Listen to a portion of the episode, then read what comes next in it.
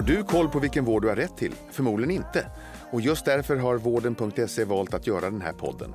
Jag heter Mikael Sandström och är husdoktor i eh, podden Vårddjungeln. Jag får sällskap av andra experter inom vårdrelaterade ämnen och även gäster som berättar om sina sjukdomserfarenheter. Har du som lyssnar en fråga du vill ta upp i podden så mejla fragoratvarden.se. Med detta sagt önskar jag dig varmt välkommen till Vårddjungeln. Nu kör vi! Varmt välkomna till ytterligare en podd här från Swedental och till Vårddjungeln. Nu ska vi träffa några som är otroligt viktiga för varje vårdbesök men som jag tror många patienter inte har en aning om eller ens känner till. Eh, varmt välkomna till journal och bokningssystemen inom tandvården. För i Sverige så är det fritt för vårdgivarna själva att välja vilket journal och bokningssystem de vill använda. Det innebär också att det finns en mängd olika aktörer som är unika på sitt sätt. Och det ska vi djupdyka ner idag. Vi ska försöka ta reda på vad det är för skillnad, hur ser de på tandvården och hur vi tillsammans kan utveckla vårdsystemet. Så att först ut eh, från Frända, eh, Henrik Dillon Åberg. Varmt välkommen. Tack så mycket. Och bredvid dig så har vi Pontus Gren från Muntra. Stämmer bra det, tack så mycket. Och sen så har vi Marcus Johansson från Almasoft. Tack så mycket. Varmt välkomna allihopa. Har ni suttit tillsammans i en studio förut? Nej. Nej. Så att det här är vad kul, ja vad roligt. Världspremiär. Och lite som jag sa innan, det vi ska försöka djupdyka i nu det är att se liksom hur ni olika systemen jobbar men kanske också vad kan, ni, vad kan vi driva tillsammans? Så att med det sagt, vad säger Ska vi kasta oss ut? Absolut, lika bra. Ja. Och eh, det, min första fråga, det pratas ju väldigt mycket inom system överlag att saker och ting ska vara skalbara. Vad innebär det för er? Ja, alltså per definition skalbarhet är ju ändå någonstans att du ska kunna öka din försäljning utan att det kostar mer. Mm. Så tandvård om man ser det som ett exempel är ju kanske per definition inte 100% skalbart i och med att det är en 1 relation mellan tandläkaren och patient någonstans. Mm. En timmes besök eller 30 minuter. Mm. Det är ungefär det man har att lira med då. I min värld när det kommer till system då är skalbarhet någonstans anpassningsgraden på systemet mm. och hur det kan stå sig mot framtida behov som man har identifierat nu och det som man inte identifierat då exempelvis. Mm. Eh, det kan vara små saker som att man eh, hårdkodar in text i systemet. Okay. Det är väldigt mycket sådana små saker som kan vara skalbara. Uh -huh. Så när hårdkodar text, ja, men då kan du inte översätta systemet med enkelhet Nej. exempelvis. Eh, och det bygger ju egentligen på att du har en arkitektur som står sig mm. för alla liksom förändringar du ska göra. Nu ska koppla på eventuella leverantörer som kan vara betalterminaler och ja, Kivra-integration, vad som helst. Ja. Mm. Jag delar ju Pontus uppfattning där helt. Alltså, det är ju dels den tekniska aspekten att man eh, kan skala upp lösningen och att man eh, då har ett, ett spann så, som i vårt fall att vi har allt från en eh, enskild behandlare som en tandhygienist till lösningen men även hela vägen upp till de största vårdgivarna som har 3 500 samtida användare i systemet. Men jag vill också eh, prata om, eh, inte enbart den tekniska aspekten av skalbarhet, för skalbarhet eh, innefattar ju också eh, det som är runt omkring. Att man kan eh, skala upp eh, dels driften då givetvis, men även sådana här aspekter som support och implementation. Mm. Alltså bara i vårt fall när vi implementerade några av våra storkunder så vi implementerade Frända journal och röntgen på 300 kliniker under nio månaders period. Mm. Det är ju en, eh, en snitt på nästan en och en halv klinik per arbetsdag. Eh, så att, och det är ju, givetvis kräver det eh, en, en tekniskt stabil arkitektur men det kräver ju också att man har resurser och processer på plats för att hantera den typen av, av stora implementationsprojekt. Mm. Skalbarhet kan ju, alltså tandvården har ju så många professioner. Mm. Och det finns ju alltifrån hygienister eller ensamma behandlare, vårdgivare till stora enheter som du säger. Absolut. Så att det är olika behov och sen så ekosystemen runt tandvården är många också. Det finns ju andra tekniska lösningar som, som kommer hela tiden. Det mm. kan ju vara alltifrån röntgenapparaturer eller CBCT eller ja, mm. bokningssystem och online-system som inte fanns för tio år sedan som finns idag som en självklarhet. Det finns ju många aspekter på det. Mm. Det låter inte helt lätt att man måste anpassa systemet för saker man inte ens vet finns än. Nej men det där är allas utmaning som jobbar inom absolut. Ja. Men om, om man tittar på vårdgivarna eller era kunder eller de som använder era system. Hur har behoven hos dem förändrats under de senaste åren? Är det något speciellt som har drivit på utvecklingen eller nya krav som har kommit? Alltså, en tydlig aspekt som vi på Frända identifierat är ju den, dels den eh, påtagliga ökningen av de regulatoriska kraven har kommit. Eh, och de mm. ställer ju oerhörda krav på både den enskilda vårdgivaren men även också på oss som eh, journal och systemleverantörer. Mm.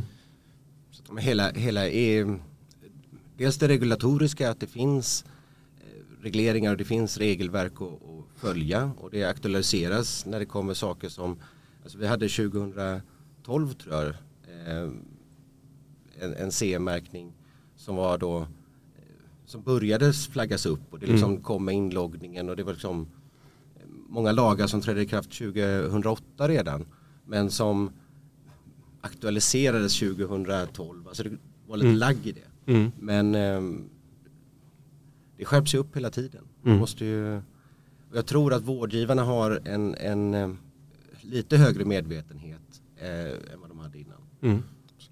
Jag tror också att eh, en eh, aspekt att lyfta väldigt mycket är ju den, den här allmänna digitaliseringen som har skett i samhället under de senaste åren, särskilt nu pådrivet av covid. Mm. Det, det spiller ju över på, på den här verksamheten och på vårdgivarna också. Alltså det, det som man upplever i sitt privatliv att man som eh, tandläkare liksom, ska kunna sköta sina bankärenden från, från sommarstugan. Den förväntansbilden har man ju nu på att kunna sköta sitt arbete på distans mm. och möjliggöra hemarbete också för personalen för att ha ett mer flexibelt eh, mm. arbete och vara mer attraktiv som arbetsgivare. Vi har ju pratat eh, tidigare i andra avsnitt under den här poddserien här om att patienterna blir ganska mer krävande, de vet mer själva, mm. de vill göra andra saker man gjorde, mer åt estetik och så vidare. Hur ser ni att patienterna driver på förändringen och deras krav på tandläkaren då som i sin tur ställer krav på er? Jag skulle säga att det är tillgänglighet väldigt mycket ja. från patienternas sida. Så det blir väl också, jag tycker inte att det har varit något nytt egentligen med patienterna. Så. Det, det har ju skett digitalisering under lång, lång tid egentligen. Mm. Eh, vi har ju haft massvis med moderna system som Spotify, Facebook långt, långt innan. Så det är inte mm. de här sen covid som patienterna har fått ökat behov tycker jag. Mm. Utan det har ju funnits länge. Men eh, det kanske blir mer och mer påtagligt nu. Mm. Att patienterna vill att de vill kunna göra vad som helst egentligen digitalt när det mm. kommer till vården. Då. Det ska inte vara något undantag. Utan, mm. ja, som precis Henrik sa, du kan göra dina bankärenden vart ifrån som helst. Mm. Det är klart du ska kunna göra dina vårdärenden också digitalt. Exempel. Man vill ha mer flexibilitet och styra vilken tid själv man ska gå till tandläkaren. Absolut, eller? men eh, jag skulle ju också vilja, alltså, webbtidböcker och sånt där kan vi ju lämna för det är ju, ja, alltså, det, det, det, är givet. Liksom. Ja. Eh, men eh, vi har ju också en, på den hälso och sjukvårdssidan en, en tydlig ökning av liksom där fysiska besök inte på något sätt har blivit normen men ändå är liksom ett, ett vanligt förekommande inslag. Jag skulle också vilja eh, dela med mig av lite mina erfarenheter som egenskap av tandläkare och som har varit klinikchef och, mm. och haft den här typen av digifysiska lösningar är ju att det är en en svårighet i eh, diskrepansen mellan eh, förväntansbilden och önskemålen från eh, patientsidan mm. och från behandlarsidan. Eh, för att det är ju så att eh, från patienthållet eh, så finns det ju stora krav på tillgänglighet och så mm. givetvis. och det är ju också så att som vi vet så är kompetensförsörjningen inom tandvården en trång sektor. Och mm. Det är ju väldigt många vårdgivare som har oerhörda problem att möta det befintliga vårdbehovet. Mm. Eh, så att de kanske inte har möjligheten eller incitamenten till att utöka sina eh, kontaktkanaler och ha den typen av tillgänglighet som, som patienterna önskar och förväntar sig. Mm. Eh, och, och den, på något sätt måste vi hitta någon form av balans där, där de här digitala plattformarna blir ett sätt att kanske triagera, allokera lösningar på rätt sätt. Mm. Så, att, så att det inte bara blir ja, en förväntansbild helt enkelt, där man får till matchningen mellan mm. vårdgivarna och patienterna. Mm. Nej, men videosamtal är ju etablerat, i alla fall inom primärvården och vårdcentraler, nu med Kry och doktorhallar och så vidare. Eh, hur ser det ut inom tandvården? Ser ni där att patienterna kommer vilja, ja, men jag kanske ska ta en snabb avstämning? Ja, men se, hur ser trenden ut inom det? Det finns väl ett, för, ett par företag som ja. gör det här idag. Ja. Um, jag vet inte exakt hur siffrorna ser ut, om det är jättemycket patienter Nej. som går den vägen. Nej. Men eh, jag kan tänka mig att det finns mycket du kan göra via ja. en digital plattform med uppföljning och efterhandsinformation och liknande. Mm. Eh, jag har ju faktiskt varit eh, tandläkare i, i en digital plattform. Okej. Okay. Eh, ja. jobbat med det. Eh, Hur var det? Det var, ehm, det var väldigt spännande faktiskt. Ja. Det var ju väldigt nytt, både Det, det här eh, var ju i samband med eh, pandemin. Ja.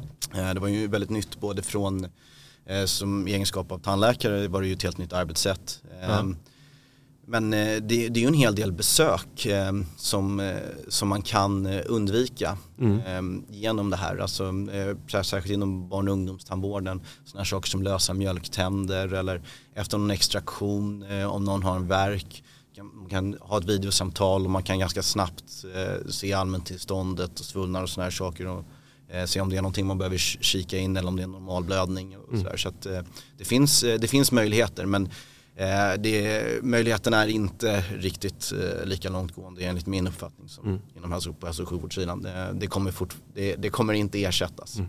hantverket. Absolut inte. Nej. Och eh, det ser man, eh, det händer väldigt mycket inom tandvårdsbranschen och det ser man ju framförallt också här på mässan att det är fler och fler kedjor som, kom, som dyker upp och så vidare. Eh, alltså det är en stor konsolidering som är liksom mitt i sin görning nu. Hur påverkar det era erbjudanden? Vad säger du Marcus? Jag tycker att hela, hela man säger, branschen har ju ritats om ja. Med, med kedjornas inträde och det är på gott och ont. Eh, det finns ju många fina eh, kliniker som, som har drivits i privat regi. Mm. Som, där, där ser man ju också åldersspannet som inom tandvården. Det har varit en hög snittålder nu, eller mm. det är en hög snittålder. Ni har haft stora pensionsavgångar, eller hur? Ja, det har varit stora pensionsavgångar och, och kedjebildningen kan ju vara både positivt och negativt. Ehm, det kan bli lite mer fokus på affärsnyttan vilket är bra. Mm. Eh, det kan bli en effektiviseringsgrad eller en kravställan som jag tycker är bra. Mm. Eh, så en liten form av mognad men samtidigt en liten eh, sorg att det liksom blir större enheter hela tiden. Att det mm. dras åt det. Jag skulle egentligen säga för system, alltså system i alla fall. Mm. Så hur det påverkar vårt erbjudande som du sa där. Mm. Så där är väl egentligen tillbaka till skalbarhetsfrågan. Mm. Jag säga. Mm. Hur man kan få tandvård att bli mer skalbart mm. egentligen. Eh, och det är väl det som påverkar vår produkt och vår utveckling i form av kedjor. De driver ju det här lite grann. Mm. Eh, en mindre klinik har ju inte de resurserna som krävs alla gånger mm. att faktiskt kunna till exempel jobba med avancerade affärssystem eller göra konsultuppdrag då för att gå in mm. och gräva i data och liknande och sånt där. Så att när det kommer till kedjorna handlar det om effektivisering och skalbarhet skulle jag säga. Mm. Men ställer de andra krav än den mindre, mindre kliniken? Skulle säga på vad systemet ska kunna, vad ni ska kunna leverera? Ja, jag skulle vilja säga att de, eh, de har ju lite mer de har ju råd kan man säga att anskaffa sig lite mer dyrare, modernare verktyg. Ja. Eh, och därmed så ställer det lite andra krav än vad en, en eh, mm. kanske mindre klinik kan göra. Mm. Eh, och det har ju att göra med att du behöver ju de facto någon som ska arbeta med det här mm. oftast då. Mm. Eh, och det är ju nästan omöjligt för en tandläkare som jobbar 100% med patienter att vid sidan av då kunna på sig hattar som en marknadsföringsexpert eller ja, managementkonsult vid sidan av eller liknande. Ja. Även fast det tycks vara kravet idag på en tandläkare på det sättet. Så att, självklart. Nej, och från, jag kan bara säga konstatera från Frändas sida så eh, det här eh, kedjeintåget eller den konsolideringen som vi går mot påverkar väl egentligen inte vårt erbjudande nämnvärt. Vi har ju de, de två största privata aktörerna mm. i, i, i vår lösning och även nu eh, regionerna på väg in. Men, eh, men det är ju som både Pontus och Marcus var inne på, vi ska inte glömma bort våra, våra mindre kollegor eh, och eh, många av dem och deras kravbild och sådär. Men jag, jag, kan väl också känna att eh, det finns en synergieffekt här. Att den, det som du var inne på med affärssystem och, och den typen av bitar. att det är ju skalbarhet. Skalbarhet är inte bara uppåt. Nej. Skalbarhet är neråt också. Mm. Eh, och det är en viktig aspekt att och, och, och visa. Alltså, givetvis hade man kanske inte utvecklat ett, eh, något form av business intelligence system och så för en, för en enskild användare, kanske med en tandhygienist. Men det är inte sagt att de inte kan ha nyttan av samma affärssystem mm. och göra samma typer av analyser och prognoser för sin verksamhet för att optimera den. Så att, mm. Ehm, jag, jag, kan väl också säga att det, blir lite tveeggat där. Att, ehm, ja, det, det, jag, jag, tror att vi alla eh, kan känna en sorg över liksom att den här liksom, familjetandläkaren, generationstandläkaren inte är lika vanligt förekommande. Men det är ju också så att ehm, det, de resurserna och de, de, de, stora affärerna som de här kedjorna innebär driver ju utveckling som, som kan gagna oss alla mm. oavsett storleksnivå. Mm. Men det blir väl också så här någonstans att man, vi utvecklar ju vårt system som sagt för att det ska vara skalbart, det får man Mm. ändå lov att säga. Och det må vara så att man, kedjorna får större nyttor för det. Men Mm. det blir ju också extrem nytta för de mindre klinikerna. Mm. De åker ju med på den biten. Mm. Så jag menar det Muntra gör mångt och mycket det är att vi försöker hjälpa de små klinikerna då att kunna faktiskt konkurrera Mm. med Mm. de etablerade kedjorna. Mm. Eh, och där kommer det in med allting i form av att vi kan liksom, assistera med marknadsföringen exempelvis. Som du säger med BI-system, det finns ju ett par då exempelvis som är ganska omfattande och komplexa att jobba i. Men där Mm. har vi ändå kunnat hitta lite partners som är lite mer dentalspecifika. Det finns ett bolag här på mässan exempelvis som heter Knowin som eh, de gör det här bara i dentalbranschen och de Mm. kan ju då ge en sån här produkt som är färdigpaketerad Mm. för en mindre klinik Mm. exempelvis. Så eh, jag tycker det finns lösningar att hitta. Mm. Och de här skalbarhetssakerna det gynnar inte bara tandvårdskedjan utan det gynnar alla Mm. skulle jag säga. Jag skulle väl också bara vilja lägga till, jag, jag delar Pontus uppfattning där helt. eh, Men också ur, ur vår sida på Frenda att jag ser inget motsatsförhållande att vara en leverantör till de små en, enskilda aktörer och en stora kedja vilket ja, flera av oss här inne bevisar att vi, Mm. vi har ju enskilda behandlare som kunder men vi har ju också storkunder Mm. eh, och, och det, det finns liksom inget, inget motsatsförhållande i det. Man, man kan eh, tilltala en hela marknaden. Precis, och det, det har ju varit en Tandvårdsbranschen är ju speciell på det sättet. Man har ju dels alla professioner, alla specialiteter som ska ha sitt sätt att jobba och tillfredsställas och sen så finns det ju storleken på enheterna som, som ska tillfredsställas. Och jag håll- håller med precis som du säger, det, det ska finnas en, en, en nytta för alla och, och idag driver de stora kedjorna en utveckling som de små inte har haft kapacitet att göra. Mm. Eh, men, men det finns ju så mycket runt omkring och vi har ju försökt att göra på Almasoft att, att bygga på med tjänster som berör Mm. IT och journalsystem. Eh, så att man kan erbjuda kunden ett nummer för eh, hårdvara och infrastruktur och eh, bildhantering eller om det är bokföringstjänster eller vad det än är. Alltså, det finns så många bolag eller många funktioner som knyter kring journalsystemet för det är så centralt Mm. för, för eh, vårdgivaren. Jag tänkte att vi skulle ge oss ett försök på att sia lite i framtiden. Får vi se hur det går. Spännande. Ja, och eh, eh, hur ser ni att tandvården inom Sverige kommer utvecklas? Det här är lite av ett favoritområde för mig. Är det? Ja, Ja. Men, ja men det det är ju det. Alltså, nej men eh, jag är ju som sagt tandläkare också så att eh, jag har ju eh, de glasögonen på mig när jag ser den här, ehm, eh, den här bilden. Och det är väl ett, ett par saker som, som jag tror att vi alla är, eh, kommer vara överens om. Det är ju dels eh, kompetensförsörjningen eh, som är den svåra eh, punkten här. Mm. Eh, den geografiska snedfördelningen av var kollegorna är lokaliserade där man Mm. har en tendens till överetablering på vissa orter och en akut brist på Mm. andra. Eh, som ni två var inne på tidigare med eh, demografiska eh, skiftet här åldersmässigt. Vi har haft stora ehm, eh, pensionsavgångar och vi har stora eh, pensionsavgångar framöver, framgent också. Det här är inte över. Nej. Ehm, Så det ska man vara klar över. Och det som oroar mig eh, som eh, tandläkare där är ju att, eh, att jag fick min start väldigt bra genom två äldre kollegor som Mm. verkligen tog sig tiden. Ehm, Och det, jag är orolig att, eh, att det blir en, ett gap där. Mm. Ehm, Där mycket av den eh, kompetensen som har byggts upp här hos de äldre kollegorna eh, försvinner. Mm. För det är ju en lång utbildning som ni vet och det är också långa ledtider innan man blir en, en, en skicklig kliniker. Och sen Mm. den, den absolut största grejen här nu är ju det politiska. Alltså att det på allvar diskuteras att inkorporera eh, tandvård inom eh, Ständiga debatten. Ja, Ja. ja. absolut och jag har väl kanske varit eh, lite sådär att, eh, att den har ständigt varit uppe men eh, nu med eh, de här utredningarna som har varit och eh, när man läser Tidöavtalet så jag undrar om, om det här kanske inte faktiskt blir en, en skarp verklighet. Mm. Det kan vi faktiskt se på regionsrådet i Stockholm Mm. för, hälso, för sjukvård och hälsa och tandvård numera. Ja, ja men precis. Mm. Eh, så att eh, ja, det här är ju som sagt, det, nu är det ju bara en framtidsspaning Ja, ja, ja, och visst. min högst liksom, eh, subjektiva uppfattning. Men eh, ja, min personliga uppfattning är att jag tror aldrig vi har varit så nära som vi är nu. Vad skulle det innebära tror ni för tandläkarna?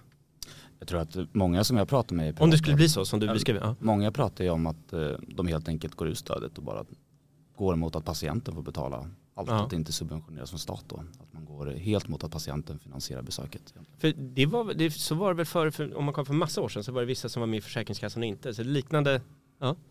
Absolut, men då skulle jag vilja dra en parallell till... idag så det är, alltså, det är svårt att ställa sig utanför och få liksom driva en ekonomi i det. Jag, jag tror inte att det är så jätteenkelt att, kliva ut. Nej. Och Jag är väl lite inne på ditt spår där Marcus, att eh, min personliga uppfattning är att jag, jag är ju helt övertygad också som Pontus säger att eh, ett par kollegor kommer då eh, ställa sig utanför. Men jag, jag skulle väl dra parallellen till liksom, hälso och sjukvård. Mm. Eh, där det, som är offentligt finansierad och man kan få sin operation eh, finansierad inom det allmänna hälso och sjukvårdssystemet. Alternativt kan du ha en privat sjukförsäkring och före i kön. Och, och några kommer ju välja att göra den lösningen. Mm. Men det är ju också så att det är ju, det är ju eh, få förunnat att ha den möjligheten att, att kanske betala all sin vård själv. Så att eh, för några enstaka så kommer det helt klart bli så. Men att, att branschen som helhet skulle eh, opponera sig och, och helt ställa sig utanför det, det där har jag en, en annan uppfattning än, än Pontus. Men jag, helt, helt klart kommer ju ett par, eh, kommer ju en hel del kollegor. så man vet, det kanske blir intåget av privata sjuk eller tandvårdsförsäkringar. Absolut. De har ju varit och nosat på det, alltså privata tandvårdsförsäkringar och det finns ju olika former av det. Men jag, alltså, som framtidsspaning så tror jag att eh, visst vi är journalleverantörer och IT-leverantörer men vi hanterar ju hela tandvårdsförsäkringen. Vi har ju beräkningsmodellerna i våra system. Eh, så att det är en, våra kunder frågar ju oftast oss om eh, ersättningsfrågor eller det kan vara ja, allt det ekonomiska vad gäller relationer med Försäkringskassan. De frågorna landar ju i våra knän. Så att visst vi är ett journalsystem men det är ju ett ersättningsberäkningssystem i, i botten också. Er, eran support sträcker sig förbi själva systemet. Nej, men jag, alltså, det berör så Absolut, det många delar.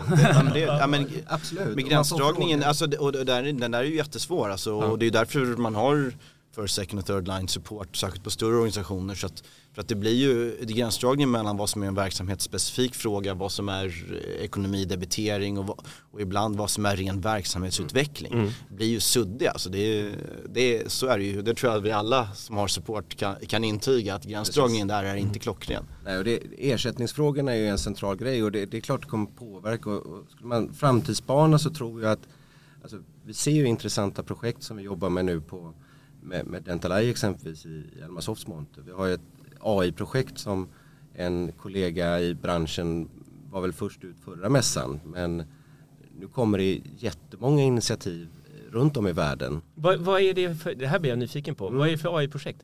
Alltså det är AI-projekt för att du ska kunna analysera digitalt då, bilden för att ge en second opinion till patienten eller till vårdgivaren och till behandlaren. Ja. Eh, var det exempelvis finns en manifest karies eller en initial karies. Mm. Eh, och det kan ju finnas olika stöd man kan få. Det här är ju bara ett superintressant eh, projekt eller man ska säga en, en funktion och en, eh, en framtid som jag tror blir naturlig. Mm. Att man tar hjälp. Alltså, när röntgen kom var det ett bra hjälpmedel. Mm. Och idag så tror jag AI kan vara ett stort hjälpmedel i många fall som nästa generations IT-stöd till tandvården.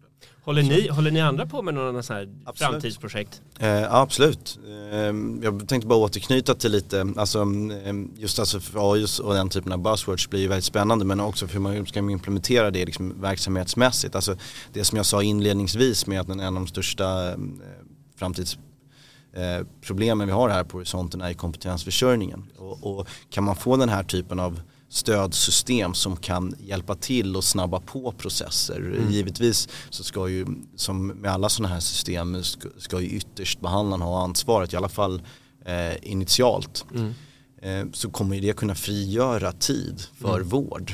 Eh, och, och det är väl det som är, jag tror att vi alla är rö- rörande överens om att det är det som är huvudsyftet med den här typen av, dels att eh, öka kvaliteten på vården, alltså att, eh, att en AI-modul inte blir trött, men också det här att, eh, att man, man kanske bara bekräftar att det är karies istället för att lägga in det själv och aggregerat blir det tid. Jag fick väldigt mycket uppmärksamhet av en från alltså utbildningssyfte som menar på att det här kan ju det här kan ju verkligen snabba på processer eller öka medvetenheten eller och så vidare. Såg det mer som ett, ett pedagogiskt verktyg än, än ett, eh, ur ett behandlarperspektiv. Och det kanske kan hjälpa, för det hörde jag igår, det var, det var, jag pratade med några elever igår som just var lite oroliga för att de är väldigt duktiga på det teoretiska men sen så där som du var inne lite på, det, det praktiska hantverket. Att det är lite gap när man kommer ut och med handledning och så vidare. Det är inte alla som får den möjligheten. Kanske sådana här system skulle underlätta. Absolut. Tandläkaryrket är ju extremt komplext på ja. det sättet att du ska vara dels en, en, en skicklig kliniker, alltså i fingrarna, hantverket. Du ska också vara omhändertagande, du ska snabbt kunna eh, inge förtroende att, och fatta beslut kring en behandling. Mm. Men också som eh, många av våra eh, kollegor som driver mindre verksamheter, du ska också vara chef. Mm. Alltså du ska sköta din ekonomi, du ska ha ett personalansvar, du ska sköta marknadsföring. Alltså det, det är många roller i en och samma person. Mm. Um, så att, och det är, det är ju det som gör yrket spännande också. Mm. Uh, men det gör ju också att det ställer ju oerhörda krav på, mm. på den enskilda behandlaren. Mm. Jag tror AI också är ett lärande absolut men eh, jag tror att eh, AI-tillämpning på röntgenbilder är också spännande från initialkaries. Mm. Det vet man ju exempelvis, det behandlas ju inte i samma utsträckning som sekundärkaries eller manifestkaries då exempelvis. Men jag vet att i andra länder så är man ju väldigt mån om att försöka behandla initialkaries mm. nu med läkemedel då exempelvis mm. istället för att det ska borras. Mm. Och eh, där har det ju funnits en liten motstridighet i branschen då exempelvis. Jag vet att somliga då aktörer som har de här läkemedlen de är ju väldigt måna om att få in sånt här AI i röntgenmodulen då just för att kunna få ut det här. Främjer deras sak. Exakt. Ja men, men det är också så att någonstans får man ta ett kliv tillbaka så att eh, givetvis har ju någon som säljer eh, ett läkemedel som eh, som gör det här incitament till det också. Så, men, men det främjar ju också folkhälsan. Mm. Och alltså, så att det, återigen så, så, tycker jag det är viktigt att framhålla att det inte det är ett motsatsförhållande mot Nej. att ha en bra produkt och säljare mm. och att bidra till folkhälsan. Mm. Som jag fick lära mig igår att i, i Kina så gör, har de robotar som sätter implantat nu. Har de börjat med. Okay. Ja, det, det, är helt... Och jag, kan, jag, jag, vet, jag vet inte mer så. Jag fick höra det i den här studion igår. Ja. Berätta det. Så men vet, det kanske kommer också. Kommer alla bli arbetslösa menar du alltså?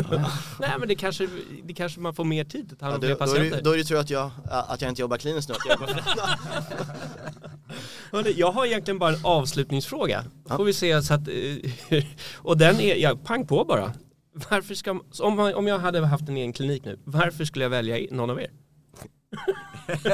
Ska, ska, jag börja? Ja, ja men eh, vi är så jävla bra helt enkelt. men, har du en egen klinik, och, alltså var, man får ju se till sina egna behov. Och jag brukar alltid försöka att se, behöver du jobba mobilt? Vill du ha din mjukvara i molnet eller vill du ha den på kliniken? Alltså det finns lite beslut att ta. Mm. Och vi har försökt att, att tillfredsställa alla varianterna. Eh, så att jag tror att du ska titta på jag ska titta på vad du har för, för organisation som kan leverera och vad du behöver. Det kan vara datorer, det kan vara eh, journalsystem och det kan vara vad vill du ha för support? Alltså vad mm. har du för känn på organisationerna. Mm. Eh, för jag menar det, vi är en väldigt viktig partner till tandvårdskliniken. Mm. Där, eh, där jag tror att ja, det är viktigt att göra sin, eh, sin känsla och, och, och, kolla upp sin leverantör helt enkelt. Mm. Så att man har det man vill ha. Se över alternativen och göra ett aktivt val. Absolut. Och jag är övertygad om att branschen som sådan rymmer, alltså vi kan vara några stycken leverantörer eh, som har olika inriktningar eller som går olika vägar. Alla strävar kanske åt samma håll i slutändan men som, som, som köpare där ute så är alternativen fler idag än vad de var för tio år sedan. Mm. Vad säger du Pontus? Ja, alltså, man skulle kunna sätta sig här och börja rabbla funktioner som är jättebra, jätteduktiga. Det tror jag inte någon har lust att höra om. Men det Muntra vill göra egentligen i grund och botten är att vi vill ju faktiskt förbättra tandhälsa på ett globalt plan med mm. tekniska lösningar. Och varför man ska välja oss, det tror jag är för att man kan ju titta bakåt. Muntra har funnits i fem år och har ju utvecklats enormt snabbt. Mm.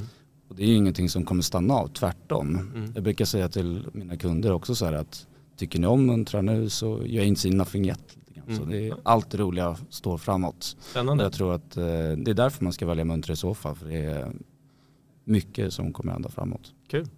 Avslutningsvis Frända då? Ja, eh, bara spinna vidare på vad kollegorna här tidigare har sagt. Då. Men eh, jag skulle säga att eh, om man, man väljer Frända för att man har ett komplett system, eh, både journal och röntgenlösning. Eh, det är ett stabilt system som fra, framtidssäkrat och eh, som ständigt utvecklas och förbättras över tid. Mm. Eh, det är också ett bolag där, där det genomsyras av där man kan både teknik och tandvård. Mm. Vi i de ledande befattningarna är ju, är ju, ja, är vi är flera av kollegorna som har en klinisk bakgrund och sen också en, en, stor del av kollegorna som ja, kommer från eh, techsidan. Så att mm. vi kan förena de här och få, få till de här synergieffekterna som vi alla är ute efter. Och bara för att sitta, lyssna på er här så känner jag mig väldigt trygg att det känns som att ni kommer ju spara varandra i Absolut. utvecklingen framåt och det gagnar ju alla. Absolut. Så att det, ja, men det, det är som Marcus säger där, alltså det, det, även om vi är flera aktörer här så det, det finns plats för, för oss alla. Mm. Eh, och eh, vi har en, jag upplever i alla fall att, att vi har en sund konkurrens. Eh, mm. Det ska inte vara några, några enskilda eh, dominanta på, på marknaden utan det, det, ska helt enkelt vara en, en sund marknad har flera spelare mm. i min uppfattning man brukar ju säga det lite grann att i de tuffaste branscherna så föds de bästa produkterna. Mm. Så jag tycker ja. det är exakt så. Ja, är men, och, och, vi har ju liksom, det är klart att vi har ju basala funktionalitet som, som är lika i alla journalsystem. Vi har vissa grejer som, som särskiljer oss men vi, det är ju tydligt här när man pratar med oss att vi, vi har ju en, samma uppfattning och strävar åt, åt samma håll. Mm. Och det låter som alla ni tre behöver räkna med framåt också. Absolut. Absolut. Så ett, ett, ett, jättestort tack att ni delar med er av alla era kloka tankar. För ni spelar ju en väldigt viktig funktion i att hela tandvårdsbranschen ska fungera och effektivisera och att patienterna ska bli nöjda. Ja, och tack till er för att ni uppmärksammar det. Ja, nej, men, nej, men alltså, man tänker inte, det kan, kan vara lite så här roll i skymundan men det är ni som får mycket att funka. Mm. Första gången som, som eh, vi, vi sitter i det här sammanhanget och Förhoppningsvis inte sista, för jag tyckte det var trevligt. Ja. Nej, men, nej, men jättekul och eh, tack till alla ni som lyssnar och hoppas nu att ni får lite mer förståelse hur vården funkar. Men än en gång jättetack till er alla tre. Tack så mycket. Tack så mycket. Tackar, tackar.